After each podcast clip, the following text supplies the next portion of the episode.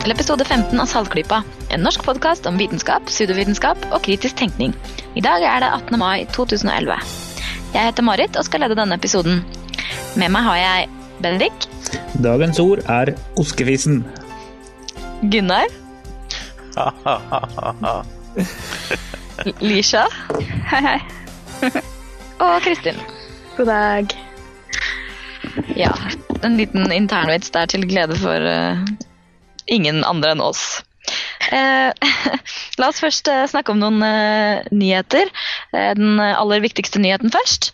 Det ser da ut til at dette her blir den eh, siste episoden av Saltklypa. Kan ikke du fortelle litt om hvorfor det er tilfellet, Bendik? Jo, som eh, vi sikkert har hørt i de siste ukene, så er det en eh, person i Amerika med navn Harold Camping som har eh, lest sin bibel og kommet fram til at den 21. mai 2011 er eh, den dagen når alle de kristne på jorden vil bli dratt opp i himmelen, og jordens undergang vil begynne. Vi regner ikke med at podkasten skal ha noe særlig publikum etter den tid. Vel, strengt tatt så, ja, strengt tatt så, eh, så er det bare det er veldig mange som blir fjernet da. Det er mange som blir tatt opp til himmelen, men resten av oss forblir jo her nede. Jeg regner med at alle skeptikerne i hvert fall Ja, vi blir her. Fortsatt Ja, vi, kan, kan hende vi har viktigere ting å gjøre. Men eh, i oktober i år så, så, så vil jo verden ta slutt på ordentlig, da. Ja. Ja. Eh, Det begynner nå på lørdag, og en og seks måneder etterpå er det vel, i slutten av oktober, i serien 7. oktober, så eh, vil selve jordens undergang skje. Min, min favoritt-factoid fra, fra rapporteringen om disse her, var at, eh, at eh, eh, vanligvis når det er sånne dommedagsprofetier, og de eh, ikke eh, blir sanne, altså ikke forekommer når de er eh, spådd å skje, så, så pleier gjerne grupperingen eller lederen å si å nei, regnfeil et eller annet sted, eller um, De har alltid en eh, spesiell legitimering da, som forklarer hvorfor de ikke ble hentet opp, eller hvorfor eh, verden ikke har gått under ennå. I dette tilfellet så var det noen som var ute og sa at uh, hvis uh, de våkner den 22. mai og fortsatt er eh, på kloden, så betyr det bare at de er noen av de som ikke er blitt tatt opp, tatt opp til himmelen. Så, eh, så da er det bare å innfinne seg med at de faktisk har havnet i helvete. Kjipt. Kan ikke du fortelle litt om det regnestykket, Bendik, som gjør at han er kommet fram til denne datoen? Jeg er ikke sikker på om jeg forstår det selv, eh, eller hvordan man har kommet fram til disse tallene her. Eh, Men det begynner i år 4990 før Kristus, for det var da syndefloden tok sted. Og med et par eh, forutsigelser fra første Mosebok og andre Petters brev, som sier at eh, for Herren så er en dag tusen år, og tusen år er en dag. Ergo de syv dagene etter syndfloden, hvor det skulle komme litt mer regn, vil da være 7000 år. Og det er eh, vel nøyaktig fra nå. Så er det jo et annet argument òg, som er ganske innvikla matematikk. Der han har funnet tre tall fra Bibelen, som er tallet fem, som eh, visstnok handler om soning. Tallet ti, som handler om eh, helhet, eller completeness på engelsk. Og tallet 7, nei, 17, som representerer himmelen. Og da sier det jo seg sjøl at hvis du tar 5 ganger 10 ganger 17, og av en eller annen merkelig grunn opphøyer det i annen, så får du tallet 722 500, som er antall dager ifra Jesus ble hengt på korset og fram til 21. mai 2011. Så han har altså to separate argumenter som leder fram til den samme datoen. Det må være et ganske sterkt argument. Ja, og han har jo aldri regna feil før. Eh, samme mann forutså jo at, eh, at verden kom til å gå under en gang i 1984. Og det har som kjent ikke skjedd. Men vi vet jo at Men, han har eh, rett, for han beste argumentet han har, er jo det han sier sjøl, at I know it's absolutely true, because the Bible is always absolutely true. Og hvem kan vel egentlig argumentere imot det?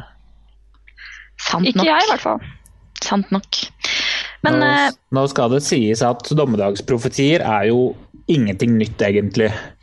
vi, eh, gjennom den skrevne historien så er det jo hundrevis av dem fram til nå. Den eneste forskjellen med den som nå er i mediebildet denne uken her, og de fleste andre, er at denne mannen som har kommet fram dette her, er ganske velstående og rik, og har faktisk penger nok til å kjøre en stor eh, reklamekampanje og få ut ordet. Ja, jeg mener jeg har faktisk sett bilder av eh, sånne store reklameplakater i New York på T-banestasjonen og sånn. Det er helt uh, Det stemmer, det Helt vilt. mm. Hva tror du han sier da? 22. mai? Er sikkert det samme som han sa i september 1994. Den forrige, forrige antakelsen hans. Nei. da, da skyldte han på en regnefeil. Jeg tror ikke han kommer til å bruke en regnefeil i år, eh, men eh, jeg, det er to ting jeg ser for meg kan skje. Eh, Den ene er at Gud blir så imponert over den innsatsen vi har gjort for å forhindre dette her, at han har bestemt seg for å spare oss alle sammen. Og den andre er at den skjedde, men vi merker det ikke. Siden vi alle er eh, ikke verdige til å komme opp i himmelen. Men eh, Det kan vi ta for gitt at vi ikke er. fra en, eh, en ting det er lurt å stille spørsmål ved, til en annen ting. Eh, I det siste så har det vært rapportert at falske leger deler ut piller. Benny, kan ikke du fortelle litt om det også? Jo, den eh, Jeg leste om eh, dette her i eh, en australsk avis. Hvor det begynte med at noen kriminelle hadde den geniale ideen å kle seg ut som leger. I den grad man kan gjøre det. De bare tar på seg en hvit frakk og tar et stetoskop rundt, rundt nakken. Og så ringer de på hos tilfeldige folk. De, eh, når man åpner døren, så står de der og sier eh, Hei, vi vil gjerne at du skal teste denne nye pillen her. Og så gir de ham en pille. Det er da en ekstrem bedøvelse.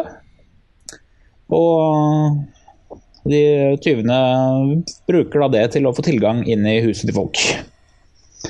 Jeg syns det var en ganske kreativ måte å bryte seg inn i et hus på. Og ikke minst veldig freidig. Mm. Det som eh, skjedde etterpå, var at eh, det lokale politiet bestemte seg for å teste dette her. Og de tok også og eh, kledde seg ut i legefrakker og hang stetoskop rundt nakken. De delte selvsagt bare ut placebopiller. Men de tok og telte hvor mange det var som godtok og spiste pillene der og da. Bare fordi en person som så ut som en lege, anbefalte det. Så da vil jeg først uh, bare stille de i panelet som ikke hadde lest artikkelen. Hvor mange tror dere at uh, Hvor stor prosentandel tror dere tok pillene? 70, 70% Mange. Det, I eh, dette forsøket så tok 86 av uh, Jesus. folk og bare tok de pillene som ble levert til dem uh, av noen som ringte på døra og var helt, uh, helt fremmede. Har ikke disse menneskene lært at man ikke skal ta imot eh, hva som helst fra fremmede menn? Og i hvert fall ikke å putte det i munnen? Ty- Tydeligvis ikke. Det sier, eh, sier egentlig litt om eh, hvor eh, godtroende, eller hvor eh, Autoritetstro. Ja, autoritetstroen som eh, vi har mot folk eh, som er i, ja, i autoritetsposisjoner. Legefrakken og sånt er jo et viktig bilde. Må jo nevne det som står lenger ned i artikkelen, at noen andre politimenn prøvde en annen teknikk der de kontakta en del husstander og annonserte når de ringte på gjennom den intercomen, så sa de 'Jeg er en tyv, vennligst åpne opp døra'. Og de var sjokkert over hvor mange som faktisk åpna døra. det var ikke noe antall, men det var visstnok mange som gjorde det. Ærlighet varer lengst. Det, det er Rema 1000-verden. Det enkle er det beste her, altså. Ja. Eh, vi har jo hatt eh, litt eh, diskurs, eh, diskusjon om eh, noe som har vært i norske medier i det siste også. NRK-serien 'Schrødingers katt' har hatt en eh, serie med ganske kontroversielle programmer. Eh, Gunnar, kanskje du kan fortelle oss litt om det? De har jo kjørt en serie programmer som veldig mange har fått med seg, har skapt en del diskusjon. Eh, Temaene i programmene har jo vært bl.a. Om det er et liv etter livet, altså om du kan ha levd tidligere liv, som du kanskje til og med kan huske noe av. Om telepati er et reelt fenomen. Om det fins om disse nær døden-opplevelsene, altså du kan dø, og så kan du se et eller annet i døden, og så komme tilbake igjen og fortelle om det. Eh, kan du tenke deg frisk? Og ja, den type tema. Eh, og det har skapt veldig mye diskusjon. Dette er jo en programserie som er kjøpt inn fra Danmark, Danmarks Radio. Og NRK viser den, men i en litt sånn fornorska versjon. Så jeg vet ikke, hva, hva tenker dere andre om eh, den retningen dette programmet har tatt? Altså Schrødingers katt kaller seg jo et populærvitenskapelig program. Kan dette kalles populærvitenskap? Det er jo veldig populært. Er det vitenskap? ja, Det er jo det andre spørsmålet. Det er en helt annen side av saken. Nei, Det som jeg føler programserien gjør i dette tilfellet, er jo at de tar et tema som er veldig fascinerende for folk. De fleste lurer på. Altså Uansett hvor hardcore skeptiker du er, så er dette spørsmål som alle eh, lurer på. For det finnes ikke nødvendigvis noen gode svar. Hva som skjer etter døden, vet vi jo ingen. Men problemet her er vel at de bruker en hel del mer eller mindre tvilsom forskning, eller iallfall veldig omdiskutert forskning, og presenterer bare én side av saken. Altså De finner ting som støtter opp om en hypotese som de egentlig er ganske tydelige på. Altså De vil presentere et slags mystisk verdensbilde, eller et, et verdensbilde der det er et liv etter døden. Eh, eksempelvis så hadde de jo en eh, i forrige episode en gutt som mente han kunne huske tidligere liv. Og der de snakket, eller på en måte presenterer et, et ganske ensidig syn på at uh, de opplevelsene denne gutten har hatt. Jeg kunne tenkt meg også bare henvise til en blogg som heter hjernedvask.no. Der hun har tatt for seg eh, denne episoden og, sagt at det finnes jo faktisk litt flere forklaringer enn at gutten faktisk har levd et tidligere liv og har minner ifra det. Og hun legger fram iallfall sju forskjellige forklaringer. Eh, alt ifra at gutten rett og slett, eller mora til gutten rett og slett lyver. Bevisst eller ubevisst. Det kan være en sånn Munchausen-syndrom ønsker oppmerksomhet ved hjelp av sine barn. Det kan være at gutten fantaserer, det kan være han har kasta ut mange mange påstander der de aller aller fleste er feil, men så blir ikke de snakka så høyt om, men snakker bare om de få treffene du har. Og det er klart Hvis du tar livet til døde mennesker de siste hundrevis årene, så er det ganske mye å velge, materiale å velge mellom. Så det å finne en tre-fire sånn faktoider som passer med en eller annen person, er ikke så fryktelig vanskelig hvis du glemmer alle faktoidene som ikke passer. Det vet vi heller ingenting om. Det kan være rett og slett flaks. kan være det en ren tilfeldighet. At gutten har hatt disse fantasiene eller har kommet med disse påstandene, og så passer det faktisk med en fyr som har levd. Eh, og Det er tre påstander som er sånn noenlunde sannsynlige. Så er det de tre eller fire veldig lite sannsynlige, bl.a. at han faktisk er gjenfødt og har levd et tidligere liv. Det finnes ingen rasjonell støtte for det i det hele tatt. Det kan være at han fanger opp minner gjennom energier som denne døde mannen etterlot seg. Det kan være at Gud ønsker at denne gutten skal kanalisere forfatterens død, altså forfatteren til denne personen som han mener han har levd som tidligere. Eller så kommer hun med en veldig interessant hypotese. Det kan rett og slett være en stor, brun kanin fra Alfa Kentauri som formidler denne informasjonen.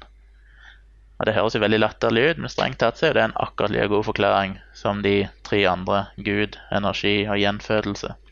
For det fins ingen rasjonell støtte som skulle tilsi at de forklaringene er, eh, er, gode forklaringer. Mens de tre andre, at det rett og er løgn eller fantasi eller flaks, er det faktisk ganske gode rasjonelle, eller det er ganske gode rasjonelle forklaringer på dette fenomenet. Men programmet Schrødingers katt diskuterer ikke de de fremstiller ikke, fremstiller ikke de som uh, gode alternative hypoteser. Og Det er jo det som er litt av problemet. Det er folk som har kommet med kritikk av skeptikernes kritikk. For skeptikere har kritisert programmet, og da kommer andre folk og sier at ja, men har dere ikke noe nysgjerrighet? Dere mangler jo nysgjerrighet. Det er så viktig å være nysgjerrig på disse fenomenene. Men er du genuint nysgjerrig, så må du undersøke alle hypoteser, alle forklaringer. Du kan ikke bare ta én, den som du har lyst til å frem sette, og så finne masse støtte for den og ignorere alle de andre forklaringene. Det er jo også viktig å nevne her at uh, Schrødingers katt er jo tradisjonelt et uh, vitenskapsprogram med ganske godt rykte. De har uh, solide fremstillinger og gjennomarbeidede reportasjer. Uh, og, og, her så kommer de da med en programserie som tar opp kjempemorsomme, spennende spørsmål. Men, men forskningen de presenterer er veldig ensidig. Så, sånn så er de med å gi legitimitet til sånne ideer.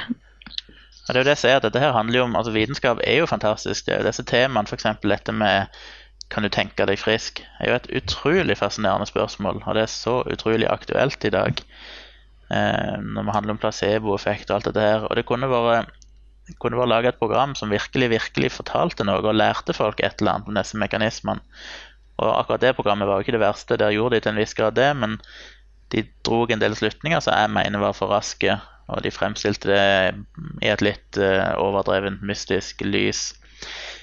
Og jeg har jo blogga om dette i bloggen min, og der har faktisk redaksjonen i Schrødingers katt uh, skrevet et par kommentarer til meg til sitt forsvar.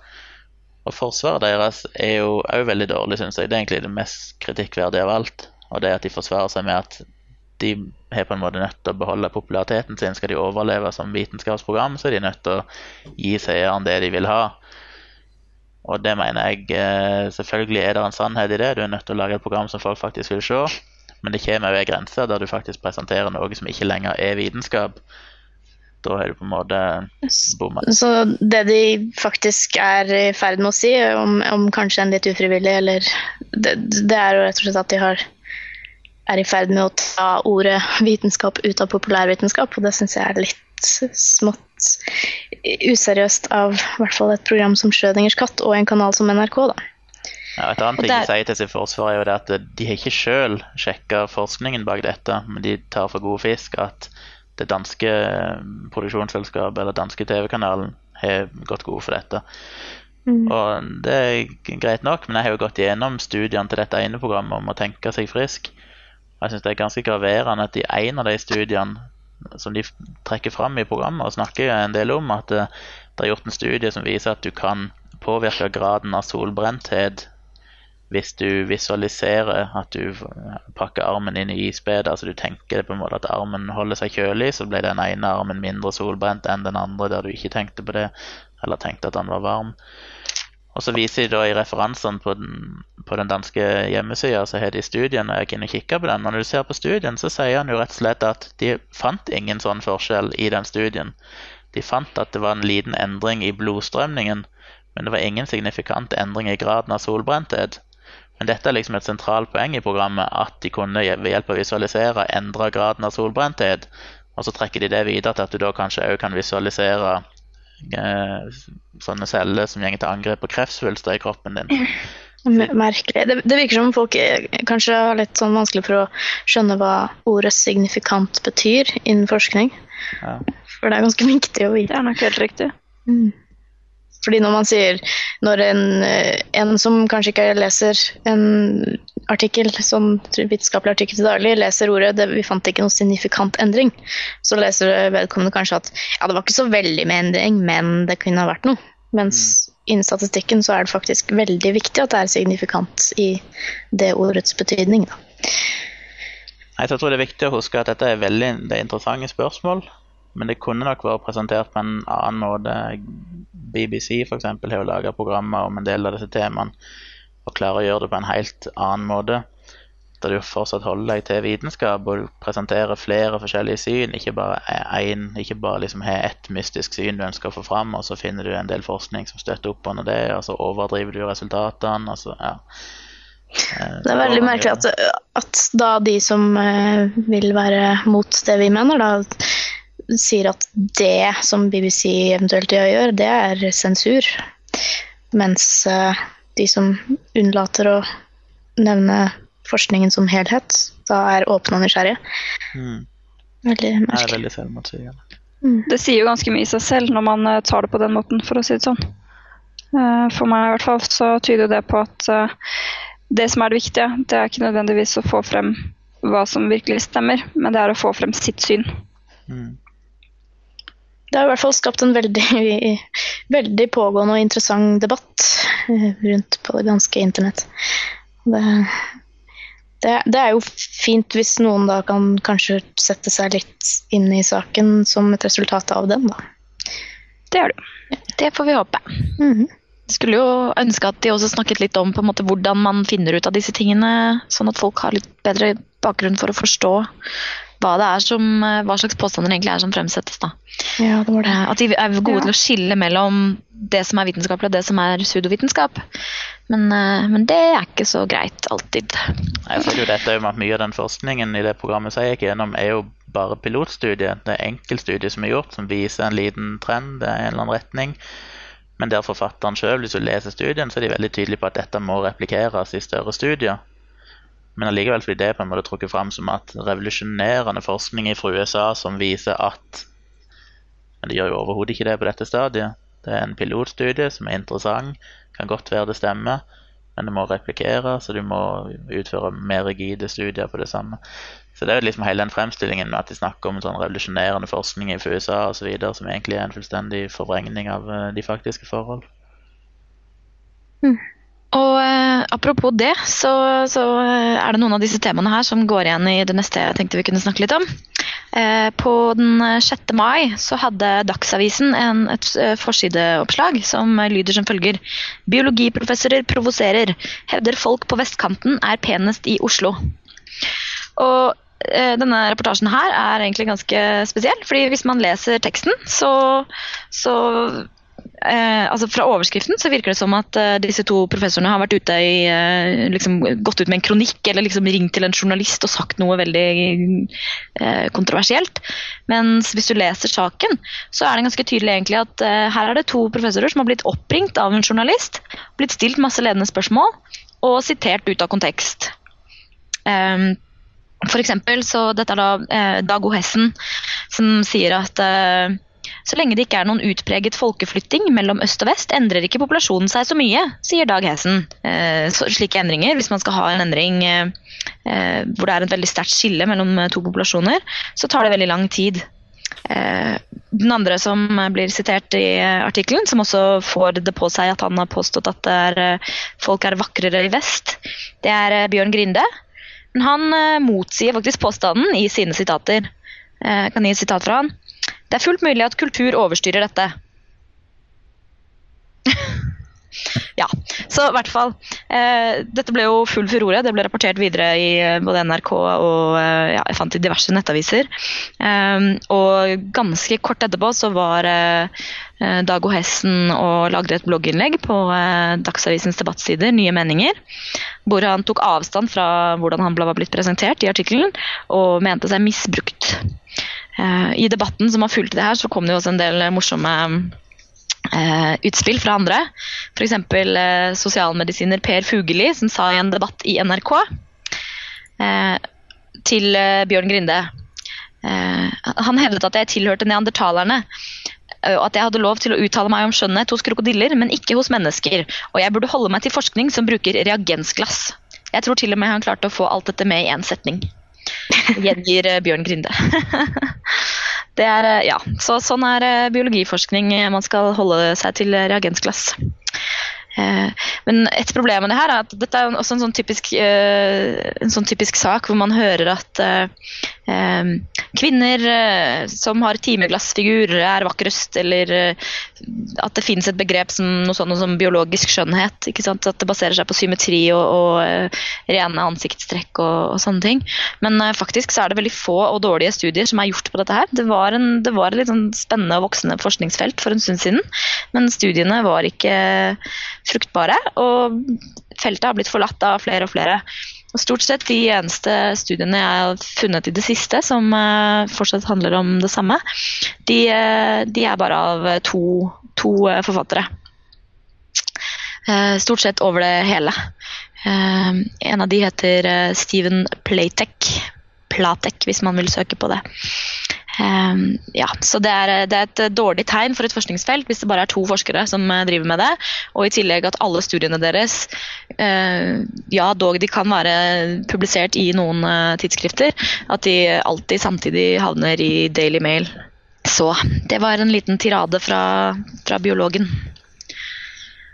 Og da eh, tenkte jeg at vi skulle snakke om noe annet som får jorden til å beve like mye som dårlig vitenskapsrapportering. Jordskjelv. Kristin? Ja, bare en liten uh, sak sånn, kan, som kanskje kan knyttes litt til uh, forutsigelsen av jordens undergang, kanskje. Litt uh, svakere versjon. Det, er, det var jo et jordskjelv i Spania for noen dager siden.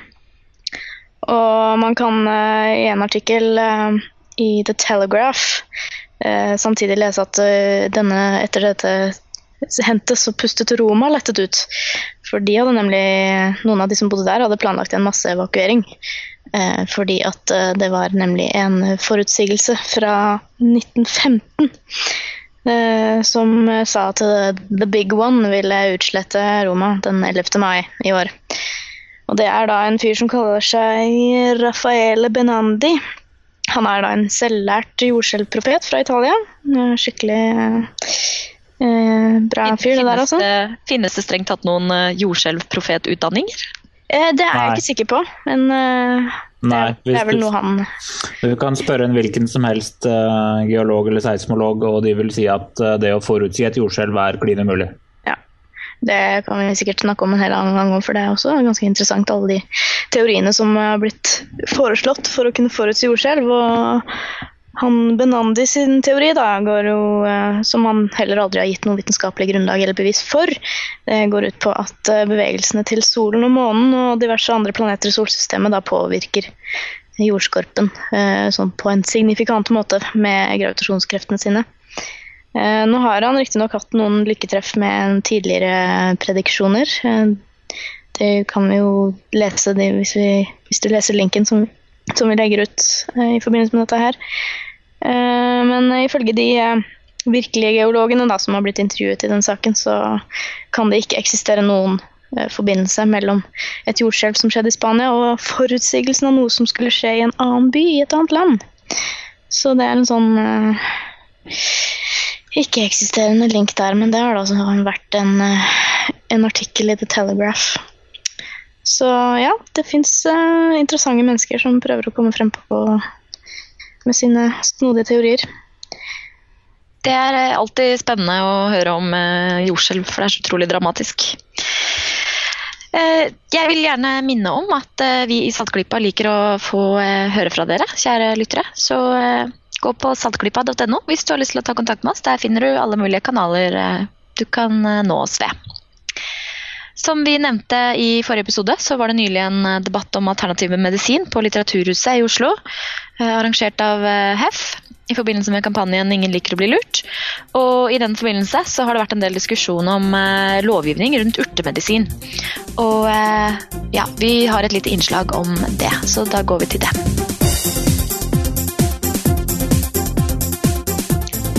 Og da har vi med oss Øyvind Strømmen på Skype. Hallo, Øyvind. Hei. Øyvind eh, er frilansjournalist og har vel en litt spesiell interesse for eh, hage og urter og planter. Og eh, han opplevde det som mange av dere opplevde i det siste, nemlig at det går en del mailer og kampanjer rundt som handler om en underskriftskampanje mot et nytt, påstått nytt EU-direktiv. Mange har kanskje sett nettsida savenaturalhealth.eu, eller blitt henvist til Fritt helsevalg sine nettsider. Eh, og det har vært mange som har skrevet mye om dette på Facebook og mener at dette er en helt forferdelig ny lov eller et nytt direktiv som skal innføres, som kommer til å kneble alt mulig salg av urtemedisin og gjøre det helt umulig for folk å få tak på urter og planter som har vært brukt visstnok i tusenvis av år eh, til folks eh, helse og som medisiner. Eh, Så jeg tenkte vi skulle bare snakke litt med Øyvind, for Øyvind har skrevet en eh, ganske omfattende bloggpost om dette i bloggen sin, der han klargjør ganske mange aspekter ved dette. Den kommer til å lenke til i notatene. Men den har vi altså med oss, Øyvind. Og eh, kan du først bare fortelle litt, Øyvind, om hvorfor du har en sånn interesse for dette temaet? Ja, det, interessen kom med utgangspunktet fra at jeg er opptatt av urter som hageplanter. Eh, først og fremst så har jeg vært interessert i urter som har spiselige uh, egenskaper. Uh, men òg i forhold til urter som har medisinske egenskaper, så har jeg jo lest en god del om det. og brukt litt tid på å sette meg inn i det og følge med på hva som har vært påstått, og hva som i større grad er tilfellet om, om medisinske egenskaper. Så det er generelt et tema som, som opptar meg pga. at jeg har en del urter ute i hagen eh, utenfor huset mitt. Kan du først bare si litt om hva du mener, eller hva er definisjonen på urtemedisin? Ja, Slik som jeg ser det, så er jo eh, urtemedisin rett og slett eh, bruk av eh, urter i medisinske øyemed. Og etter min oppfatning så er altså, det vi ofte sett på som, som alternativt urtemedisin, og, det er det jo også fordi at det foregår jo gjerne utenfor, utenfor den konvensjonelle medisinen. Eh, men samtidig så er veldig mye konvensjonell medisin også basert på uh, midler som en har funnet i planter. Og når en har med planter å gjøre, så har en i alle fall iblant med reelle virkestoffer å gjøre, som òg kan komme i faktisk virksomme doser. Slik at en del urtemedisin fungerer faktisk. spørsmålet er så godt den fungerer, hvor, hvor godt en kan vite hva som fungerer når. Men, men, det er iallfall et poeng i forhold til regulering at vi har med noe som faktisk har medisinsk effekt å gjøre. Ja, og det er jo et viktig poeng at det, dette skillet mellom urtemedisin eller plantemedisin og det som folk kanskje kaller farmasøytisk medisin, eller medisin fra legemiddelindustrien, som mange syns er fryktelig skummel, så er dette skillet ganske kunstig på ett vis. For det at, som jeg selv har skrevet i min egen blogg, så Eh, er det gjort undersøkelser i USA der han regner med at rundt 70% av alle nye medisiner som er blitt utvikla de siste 25 år, har sitt utspring nettopp i planteriket. Så eh, veldig mye av det vi i dag ser på som veldig kunstig og unaturlig, har egentlig et utspring ifra planter. Men det har da blitt foredla, og en har tatt ut de aktive virkestoffene, og en har fastsatt eh, doseringer som er effektive og trygge osv., osv., sånn at de da kan selge det som vanlig medisin.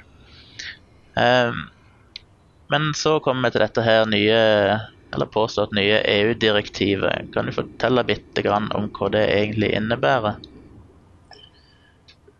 Ja, først så kan jeg jo si at eh, som du sier, det er jo påstått nytt. Eh, strengt tatt så er dette et direktiv fra 2004 som heter 2004-24 EC. Og det er igjen egentlig en, eh, en, tilpassing av et direktiv fra 2001 som heter 2001-83 EC, som, som, går på uh, bruk av medisinske produkter generelt, mens 2004-direktivet da går på konkret på tradisjonell uh, urtemedisin. Og det egentlige formålet, som er det mest vesentlige i direktivet, er faktisk å å komme med en forenkla reguleringsprosess og godkjenningsprosess i forhold til midler som har vært i tradisjonell bruk. Uh, mens det da har vært påstått at, uh, at, dette her medfører en type forbud eller en veldig restriktiv politikk. Uh, men, men, formålet i utgangspunktet er egentlig å gjøre det enklere å få registrert urtemedisin til, til markedsføring som det. Har du noen idé om hvorfor vi hører om det først nå? Nå har det jo gått en seks-sju år siden det egentlig ble innført. Ja, Det har jo vært en overgangsperiode som, som varer, varte nå frem til 30.4.2011. Eh, det også, viser jo at det er jo ikke akkurat en, et direktiv som har vært veldig restriktivt i forhold til at det ble ikke innført over natta heller. Eh, men, men, eh, jeg begynte å få disse e-postene og, og, kommentarene, og folk snakket om det. Det var vel ikke før i februar-mars jeg begynte å høre mye om dette. Og Jeg tror at det har sammenheng med at overgangsperioden er i ferd med å, gå ut. Uh, en del folk har slett ikke fått med seg hva som har foregått i, uh, innenfor europeisk politikk og i, byråkratiet tidligere har i grunnen ikke satt seg videre inn i det hele tatt. og eh, Litt av det skylder jeg vel på litt manglende forståelse av hvordan EU fungerer i det hele tatt.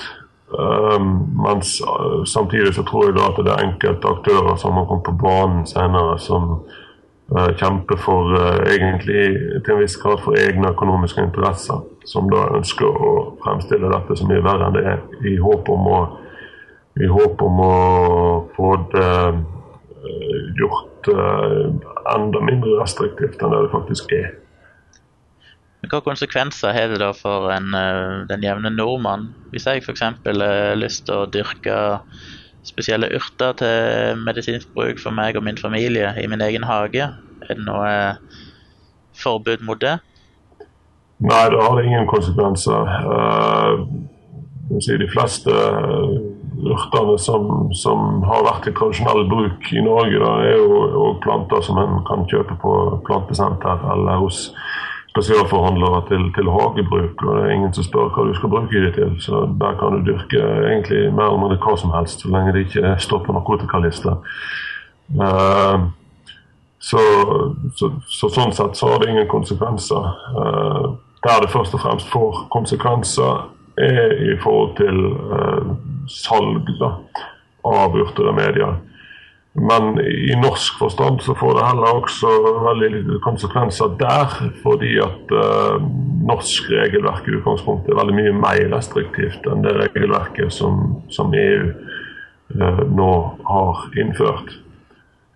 Uh, I norsk regelverk så er alt av urter i utgangspunktet definert som legemidler og kan kun selges på apotek. Og det er ting, kun de urtene som da er unntatt de restriksjonene som er lov å selge i f.eks. helsekostforretninger eller i vanlige forretninger på den del. Men Hva betyr dette direktivet? da? Altså Hvis det er, der er et skille her mellom medisiner som har vært i tradisjonell bruk over lang tid, og andre typer urtemedisiner, stemmer det? Ja, det stemmer. Du kan si for, uh, for urtemedisin som ikke har vært i tradisjonell bruk i Europa, dvs. Si da over 15 år eh, i Europa og eh, eh, Eller da ja, over 15 år i Europa og 30 år utenfor Europa, eller de har vært i bruk i 30 år i Europa. Hvis det er da urteremedier som ikke har en slik tradisjonell bruk i Europa, så kommer de under vanlig regelverk kan du si, for, for medisin. Eh, da blir det nødvendig å dokumentere med kliniske tester eh, at det virker og hvordan det virker. Og en er nødt til å gå gjennom regulering i forhold til eh, dosering, kartlegge indikasjoner, kontraindikasjoner, altså når du kan bruke det, når du ikke kan bruke det. Kartlegge eventuelle bivirkninger osv. Det vil jo slå ut for en del asiatisk urtemedisin som ikke har noe tradisjon i, i Europa. Og jeg har vel òg registrert at uh, i f.eks. India så er det en del aktører på markedet som er litt bekymra over uh, at direktivet har vært innført. Når det gjelder de remediene som har vært brukt da, i over 30 år, så trenger ikke de å gjennomgå noen klinisk testing. De trenger altså ikke å bevise, uh, Produsentene trenger ikke å bevise at det er noe som fungerer. Det eneste de trenger å bevise, er at det har vært i tradisjonell bruk, og at det ikke er direkte farlig. Ser du noen negative sider i forhold til en sånn type regulering? Altså jeg tenker på medisin eller urtemedisiner som har vært brukt over lengre tid, eller over 30 år, da, sånn at de kan kalles eh, for å ha vært i tradisjonell bruk. Hvis de på en måte er lovlige, eh, så betyr jo ikke det nødvendigvis at de er effektive mot, altså i forhold til helse, eller det de hevder å være effektive mot. Det betyr egentlig bare at de er trygge. Kan det gi et slags falsk legitimering av disse urtemedisinene? At hvis de da får lov å selges, så er det et slags stempel på at dette er faktisk effektiv medisin? Selv om det kanskje ikke er tilfellet. Hva tenker du om det? Jeg er i ikke så bekymra for at, de, at, det er lov å selge det. Men uh, det som òg vil skje, er at en vil jo kunne merke det med at det der er tillatt uh, etter, etter, dette direktivet. Og det kan nok bli oppfatta som et uh, godkjennelsesstempel.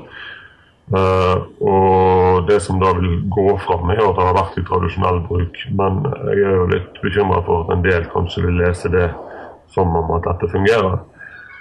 Uh, samtidig så har jeg ikke så veldig tro på å gjøre det mer uh, tungvint enn en det det da blir uh, å få en godkjenning på tradisjonell medisin. eh, av urter. fordi at det, det, som kan bli resultatet da, er at du får et regelverk som rett og slett fører til at, at urteremedier som, som ikke, ikke, er, videre problematiske, må gå gjennom ganske rigide kontrollprosesser for å i hele tatt kunne selges. Og når det ofte er snakk om veldig uskyldige saker som f.eks. Uh, kamillete, så ser jeg ikke noen grunn til at det skulle, skulle skje. da. Uh, så det, det, det, som en må være klar over, er at det er, ulike interesser som veier mot hverandre i så måte. Og Det ene går jo på forbrukersikkerhet, og det går på at du skal kunne vite at uh, ting som blir solgt medisinsk, faktisk er trygt å bruke, og at en òg vet hva effekt det har. På den andre sida så har en selvfølgelig også interesse som en må ta i forhold til hensyn til, eh, til næringsliv som, som, driver med dette. Eh, og en må òg ta hensyn til, eh, til, at en del typiske urteremedier også har andre egenskaper enn som medisinske remedier. Det kan i visse tilfeller være snakk om f.eks. matplanter Uh, og Der har du et problem i direktivet, for det, det kan være litt uklart f.eks. hvordan uh, hvitløk skal plasseres. Uh, fordi at hvitløk kan fremstilles til urteremediske urteremedier, og, og, og, vil da kreve en godkjenning etter direktivet. Eh, men det kan også være selvfølgelig snakk om mat, og da vil det ikke kreve noen godkjenning etter direktivet. Og det er noen som har uttrykt en del bekymring for at ting kan falle mellom to stoler, eller at det kan bli uklart hva som skal defineres hvordan. Det er òg eh, ting som kan markedsføres som, som eh, kosttilskudd uten nødvendigvis å påstå at det har medisinsk effekt. Det vil òg kunne falle utenfor. Slik at det problemet som jeg ser det store problemet med direktivet, i den grad det er noe stort problem i det hele tatt, eh, er vel at det er eh, som det meste av EU-regelverk, og egentlig av, av, den type regelverk generelt, så er det ganske rigid, det er ganske fastlåst. Um, slik at det er en ganske omfattende prosess å sette seg inn i det og forstå det. Det kan gjøre at det blir vanskeligere for små aktører. Mens vi som er store aktører, om det er innenfor klassisk farmasøytisk industri eller om det er innenfor urtemedisinsk industri, de vil nok neppe ha noen store problemer med dette direktivet i det hele tatt. Jeg ser som du skriver i den uh, artikkelen din, så har du denne The Association of the European Self-Medication Industry, som altså representerer produsentene av medisiner som ikke er på resept i Europa. Uh, det ser ikke ut at de heller egentlig er noen store problemer med dette direktivet, stemmer ikke det? Nei, de uttrykker jo at de har fått noen rapporter fra småprodusenter som sier det kan bli vanskelig, men at i utgangspunktet så har de ingen store innsigelser mot verken, eh, mot verken prinsippene bak direktivet eller mot direktivet i seg sjøl. Mm. Og Det er heller ikke, det ble jo også påpekt av disse motstanderne av, av, direktivet at det er heller ikke slik at eh, at uh, industrien på området har gjort uh, svært sterke forsøk på å stanse det. Og det er heller ikke så rart, fordi mye av det er ganske opplagt og, og egentlig regler som, som, de fleste tror jeg egentlig burde kunne se at burde innføres. Og det har også vært en veldig lang overgangstid på det som egentlig fremdeles ikke er ute, fordi at uh, remedier som da er på lager, uh, fremdeles kan selges selv om de ikke skulle være godkjent etter direktivet. Uh, så de sterkeste innvendingene mot direktivet fra organisert hold har vel kommet fra en del organisasjoner av urtemedisinere. Og Det er også noe underlig, fordi at godkjente behandlere vil eh, kunne skrive ut urteremedier uavhengig av direktivet, og også ting som var ikke godkjent etter direktivet. Så ditt eh, budskap da til alle som sender rundt disse mailene og oppfordrer til å skrive under på kampanjer, og som bekymrer seg over at vi nå blir fullstendig undertrykt av store stygge EU i forhold til dette, her, er at dette ikke egentlig er noe stort problem. Det vil bli relativt minimale konsekvenser for nordmenn generelt. og at industrien sjøl ikke har uttrykt noe stort uh, misnøye med dette direktivet. Stemmer ikke det? Ja, langt, langt på vei så, så, er det en god oppsummering. Uh, det er jo deler av industrien som, som uttrykker bekymring. Men jeg syns òg at en skal ta inn over seg at det faktisk er en industri som da har egeninteresse i det, og som ikke nødvendigvis er opptatt av folk sin helse. Um, og, og, du kan si Nå har jeg sett en del på disse remedier som har hatt godkjent etter direktivet i England. da. Uh, og Der vil en finne en lang rekke remedier som, som ikke er godkjent til, til urteremedier i Norge. De er godkjent for salg på apotek, men det er ikke alltid de finnes der. Og Det, det gjelder òg relativt kjente urter som f.eks. legevendelrot og johannesurt. Som, som begge er definert som legemiddel i Norge, men som da ikke som ikke defineres uh, ut etter at direktivet er innført i England. Um, slik at i, i, norsk forstand så vil direktivet egentlig ha veldig veldig lite å si. Og, og de som da måtte mene at norsk regelverk er for restriktivt på området, at f.eks. johannesurt eller T3-olje uh, burde vært tillatt i salg utenfor apotek i, i Norge, eh, de burde engasjere seg i forhold til norsk regelverk, og ikke i forhold til et EU-regelverk som faktisk ikke eh, rammer der. Og det eneste som jeg har sett uh, fra en av de store produsentene i, i England, som er Holland Barrett, Eh, de har da sagt at det eneste de kan bekrefte at forsvinner fra deres sortiment som et resultat av direktivet, det er et, eh, et remedium basert på det som på engelsk heter horny goatweed. Dette kalles på norsk bispelue, men det er da klassifisert som et legemiddel, og det er helt umulig å oppdrive i Norge. Og det er også noe som da ikke har uh, vært i tradisjonell bruk i EU. Det er det som gjør at det faller ut fra. Det er et remedium som har vært brukt i japansk og kinesisk urtemedisin. Så min uh, oppsummering i forhold til det er egentlig at dette har veldig lite å si. Um, og det har òg en del fremhevet at det har noe å si fra de som da bestiller remedier fra utlandet, uh, som da klarer å omgå norsk regelverk på den måten. Eh, men det er òg relativt litt å si for deg, fordi at de som bestiller slike remedier, vil da gjerne gjøre det fra EU-land eller reise til EU-land for å kjøpe remediene de skulle ønske seg. Og Det er altså ikke noe som tyder på at det skulle vært langt færre remedier tilgjengelige på markedet i EU som resultat av dette. Uh, I hovedsak så handler dette om uh, å få på plass et regelverk som sikrer også at urtemedisin er trygg og det er et regelverk som ikke engang stiller krav til samme type kliniske tester som det som gjaldt for farmasøytika. Uh, jeg hadde kanskje vært mer uh, opptatt av problemer med direktivet hvis jeg var veldig skeptisk til urtemedisin i det hele. fordi at det kan medføre at ting som ikke nødvendigvis fungerer, får et godkjennelsestempo og dermed kommer i salg og ser ut som et remedium som faktisk virker. Ja, og det er viktig å huske på når vi snakker om dette, at det har jo vært tilfeller til og med i Norge der folk har kjøpt uh, urtemedisiner fra Asia over internett og endt opp med fullstendig nyresvikt og videre. fordi at disse, Jeg husker ikke helt tallet jeg har sett på dette tidligere, men det ble gjort en undersøkelse i England eller USA der de fant at var det opp mot 70 av alle urtemedisinene som ble importert fra Asia, inneholdt tungmetaller i farlige doser. Så det er en skummel business, og det er absolutt noe som er sunt for oss at det blir regulert på en fornuftig måte.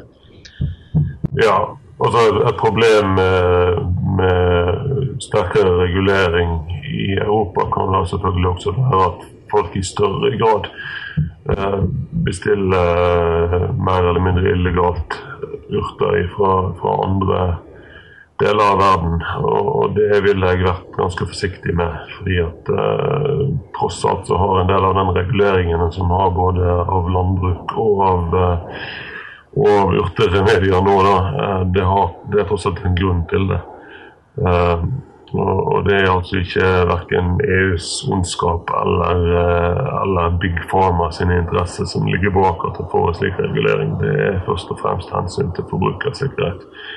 Og, og de hensynene kunne vært tatt lenger, men det er faktisk tatt ganske solide hensyn også til de som uh, selger uh, urter og medier. slik at det, har det vært i tradisjonell bruk i Europa, så er det en veldig forenkla prosess som en må gå gjennom, og der det ikke vært stilt strenge krav i det hele tatt. Ja, Disse kritikerne til dette direktivet mener jo at uh, det som er i ferd med å skje nå, er at legemiddel, legemiddelindustrien skjelver i buksene fordi de ser at disse urtemedisinene er så effektive og folk ønsker å ha dem, og nå må de innføre et eller annet, eller press på EU for å innføre et regulativ som kan uh, hindre salg av dette, sånn at de fortsatt kan selge sine farmasøytiske medisiner og tjene gode penger på det.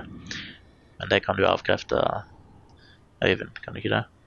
Jo, det kan jeg avkrefte når en ser på hva som faktisk står i direktivet, og hvordan det faktisk fungerer der det nå er satt i verk. Så det er ikke slik det fungerer.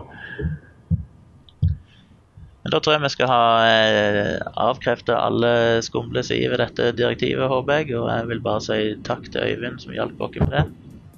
Og vi kommer til å lenke til denne artikkelen av Øyvind, så dere kan lese litt mer detaljer om det, og få lenker til kilder hvis dere ønsker å researche dette litt mer på egen hånd.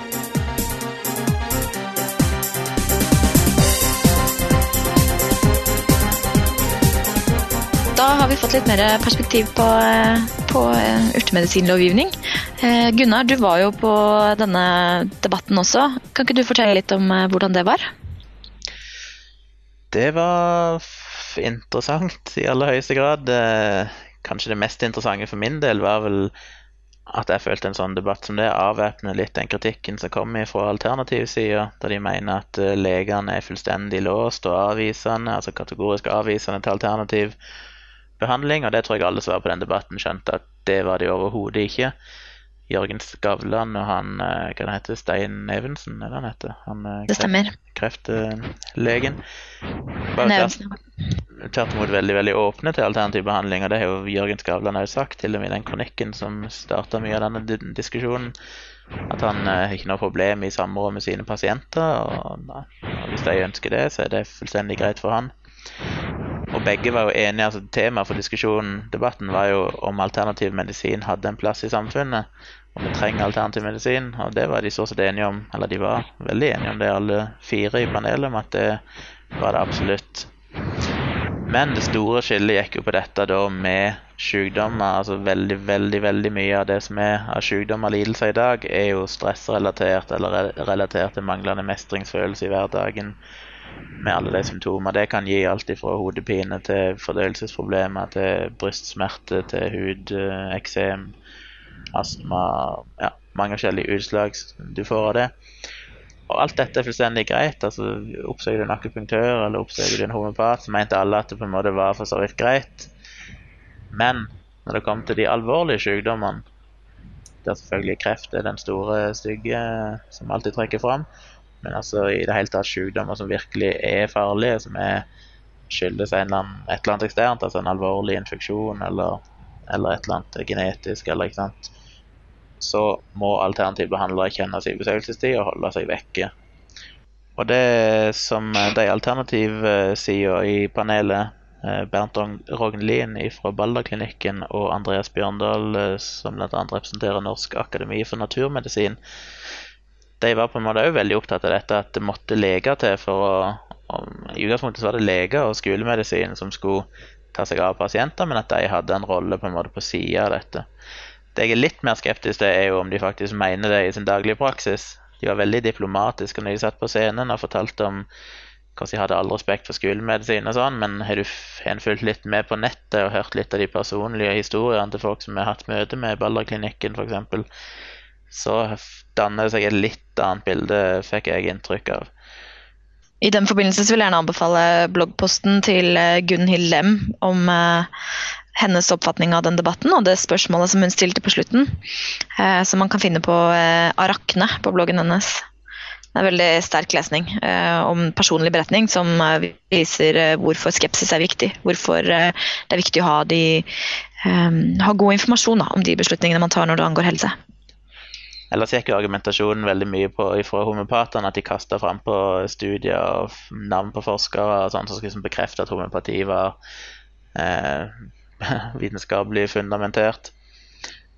Men eh, så er vi jo en del som har gått igjennom noen av de påstandene i ettertid, eh, og det viser seg å ikke helt holde vann. I tillegg så var det jo interessant å høre hvordan homopatene sier at i sitt daglige virke så har de på en måte tatt avstand fra disse prinsippene som ligger bak akupunktur og homopati. Altså i akupunkturs tilfelle meridianer, chi osv. Og, og, og i homopatien dette med ekstreme fortynninger på en måte av disse mekanismene. Og på en måte innrømmer begge to at det handler egentlig bare om å trygge kroppens selvhelbredende mekanismer. Og for meg, det de egentlig sier da, er dette er placeboeffekt. Det er det de faktisk sitter og sier, men de pakker det inn i en litt annen litt andre ord og prøver å beholde en viss sånn mystikk. Og de sitter jo på scenen og bruker det samme argumentet som disse kritikerne av kritikerne av Schrødingers katt, nemlig hvor er nysgjerrigheten? De etterlyser nysgjerrigheten. Hvis du ser at homopati virker, hvorfor er en ikke nysgjerrig på hvorfor det virker? Men det er jo igjen et feilaktig argument, for må, så vidt de fleste har sett, hvis en ser på de store studiene som er gjort, så virker jo faktisk ikke homopati utover placebo. Men hvis du nekter å ta inn over deg at placebo er et reelt fenomen, og forklarer faktisk 100% av effekten, så er det klart at de sitter igjen og sier at ja, men det er en liten prosentandel som ikke kan forklare, og hva er det? Vi må være nysgjerrige. Men det er for meg helt meningsløst, for det er en mye enklere forklaring er jo, er jo at 100% av effekten er placebo. Og vi trenger ikke noen mystiske forklaringer for å forklare dette, for vi har allerede forklart det. Og jeg blir så lei av den der stråmannen der med at ikke skeptikere er nysgjerrige. Vi sitter jo søren meg og leser studier til langt på natt og undersøker ting og, og forhører oss om hva, hva som er tilfellet, før vi bedømmer. I hvert fall så godt det lar seg gjøre. Og likevel så blir vi anklaget for å ikke ha nysgjerrighet. Det er jo med nysgjerrighet at jeg har blitt skeptiker. Jeg kan jo bare si at Etterpå, etter debatten så sto jeg ut på utenfor Litteraturhuset og fikk ta del i en liten sånn personlig diskusjon mellom eh, Bernt Rangelin og eh, den godeste Jørgen Skavlan. Og der ble han jo igjen møtt med det samme. der Rangelin mente at hvorfor er du ikke nysgjerrig? Og da reagerte jo Skavlan litt på samme måte som du gjør, Marit. Han sa han er jo så nysgjerrig. Det fins jo ikke noen mer nysgjerrig menneske enn han, mente han. Han leser jo studier og fyrer med på forskning og prøver å forstå alt som er hele tida. Men du må jo samtidig forholde deg til et rasjonelt verdensbilde. altså Du kan ikke begynne å dikte opp dine egne forklaringer. Dette sa ikke han, og dette er mine ord. men Uh, ja, så det er liksom den samme frustrasjonen. Vi er jo virkelig nysgjerrig. Det er det hele grunnprinsippet i å være skeptiker, er å være nysgjerrig og prøve å forstå. Men er du virkelig nysgjerrig, så må du se på alle mulige forklaringer. Ikke bare et lite utvalg av forklaringer som passer ditt syn. Hør, hør. Hør, hør, ja. Um, fra den uh, anmodningen der så går vi til uh, ukens anbefaling. Kristin, kan du fortelle oss om noe nyttig og bra som våre lyttere burde få med seg i det nærmeste? Det er noe nyttig og bra, og jeg vil gjerne anbefale en blogg. Eh, nemlig en blogg vi har nevnt tidligere i sendingen i forbindelse med Schrødingers katt. Eh, eller Kattagate, som jeg har begynt å kalle det på Twitter. Eh, det er bloggen Hjernedvask, altså.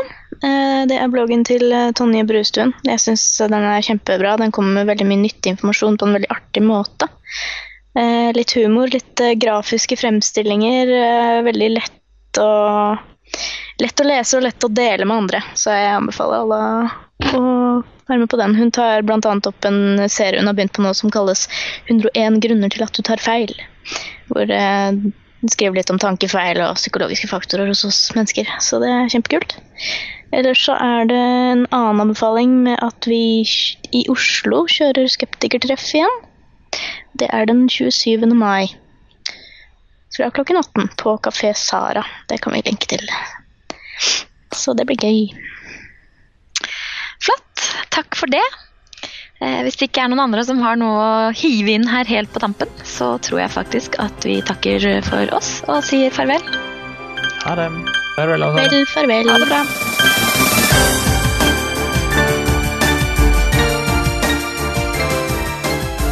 Saltklypa er en norsk podkast som tar for seg vitenskap og pseudovitenskap i samfunnet med et kritisk blikk. Podkasten produseres og drives på frivillig basis av seks personer, helt uavhengig av noen organisasjon. Vi vil gjerne høre fra deg. Hvis du har spørsmål eller kommentarer til dette eller andre avsnitt, kan du sende oss en mail, legge igjen en talebeskjed på Skype, eller skrive en kommentar på vår nettside. Informasjon om dette, samt linker og notater til det vi har snakket om, finner du på saltklypa.no. Selv om dommedag er på lørdag, så kommer det flere episoder av Saltklypa i fremtiden.